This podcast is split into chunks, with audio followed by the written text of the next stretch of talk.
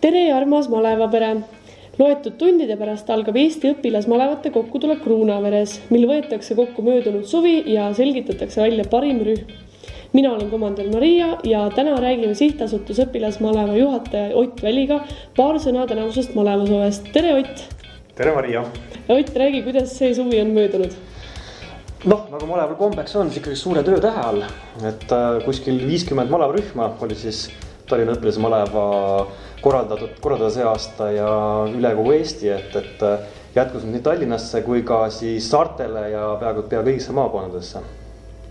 kui palju rühmi oli sel aastal üldse? no kokku rühmade arv on raske öelda, kuskil neli, neli ja pool tuhat malevast oli see suvi siis üle Eesti. Äh, konkreetselt Tallinna õpilasmaleva alt siis umbes äh, ligi, või ligi tuhat malevanoort ja nad jagunesid, jagunesidki umbes viiekümne rühma vahele mm. -hmm malevas on küll töö esimesel kohal, aga see pole ju tegelikult kõik. et milliseid põnevaid ühistegevusi veel malevas tehakse? jah, tõepoolest, et äh, me oleme iseendale salamisi pannud eesmärgiks, et, et ühistegevused peavad olema sellise noh, meeskonna iseloomuga, et, et iga rühm kokku kasvaks ja ja siinsamas kokkutulekul siis äh, vingelt võistleks, aga jah, et sel aastal me oleme siis ka ise omalt poolt juurde mõelnud selliseid teemasid, mida siis võiks äh, millel võiks vastata üks malavarühm, noh näiteks oli sotsiaalmeedia teema, et mitmed malavarühmad siis said sotsiaalmeedia koolitust. ja rühmas olles siis oli neil eesmärk, et no, hoida pildis nii malevat kui ka oma tööandjat, et siis äh, see tööandja ka järgmisel aastal oleks huvitatud malavarühma palkamisest, sest et ta, ta saab ennast niivõrd nagu noh, positiivselt reklaamida ennast läbi selle malavarühma. siis kindlasti rahvatantsurühm, mille eesmärgiks on siis kaks tuhat üheksateist aasta jõuda tantsupeole siis äh, linnarühmad läbisid meil taas kord juba kolmandat suve järjest riigikaitseprogrammi, et äh, ka väga-väga tore asi, et, et äh, ja kindlasti siin tuleb ära märkida, et meie head koostööpartnerid, Riigikaitse Rügementi, kes seda aitab meil teha, neid riigikaitserühmi. ja tegelikult palju-palju muud ka veel, et, et iga, iga rühm on oma nägu ja rüh, selle rühmajuhid siis kujundavad seda, et, et mida see rühm teeb pärast töö, tööaega ja kuidas, kuidas nad toimetavad sel aastal oli ka Instabingo, millest paljud rühmad osa võtsid. et kas sa oled ise ka jälginud, et äh, kuidas neil läks ja kas oli populaarne? jah, olen jälginud, et Instagramis on ikka põnev vaadata rühmade toimetamise tegemisi, et, et väga-väga selliseid andeka, andekaid pilte on, et me hetkel ma veel võib-olla ei hakkaks nimetama konkreetselt, sest meil ongi siin ka mõte, et, et siinsamas kokkutulekul siis välja hõigata sellised ägedama, ägedamad pildid igas kategoorias siis aga kokkutuleku juurde tagasi, et miks üldse kokkutulekut peetakse?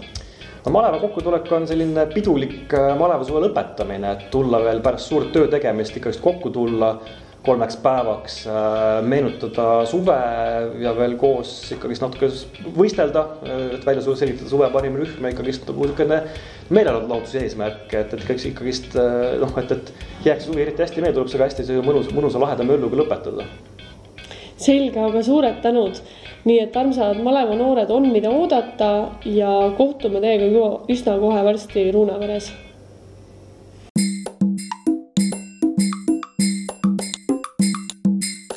hei, hei, hei, siin Norbert ka, jõudsin Mariale appi, koos teeme jätkuvalt eh, Eesti õpilasmaleva sihtasutus Õpilasmaleva esimest podcast'i, selle üle on meil mõlemal Mariaga suurepärane hea meel. midagi uut sel aastal on veel juhtumas, nimelt meie lavalaudadele on astumas uus kokkutuleku juht, kelleks on värske, roheline, tubli rühmajuht Villu Kangur, tere Villu. tervist, tervist.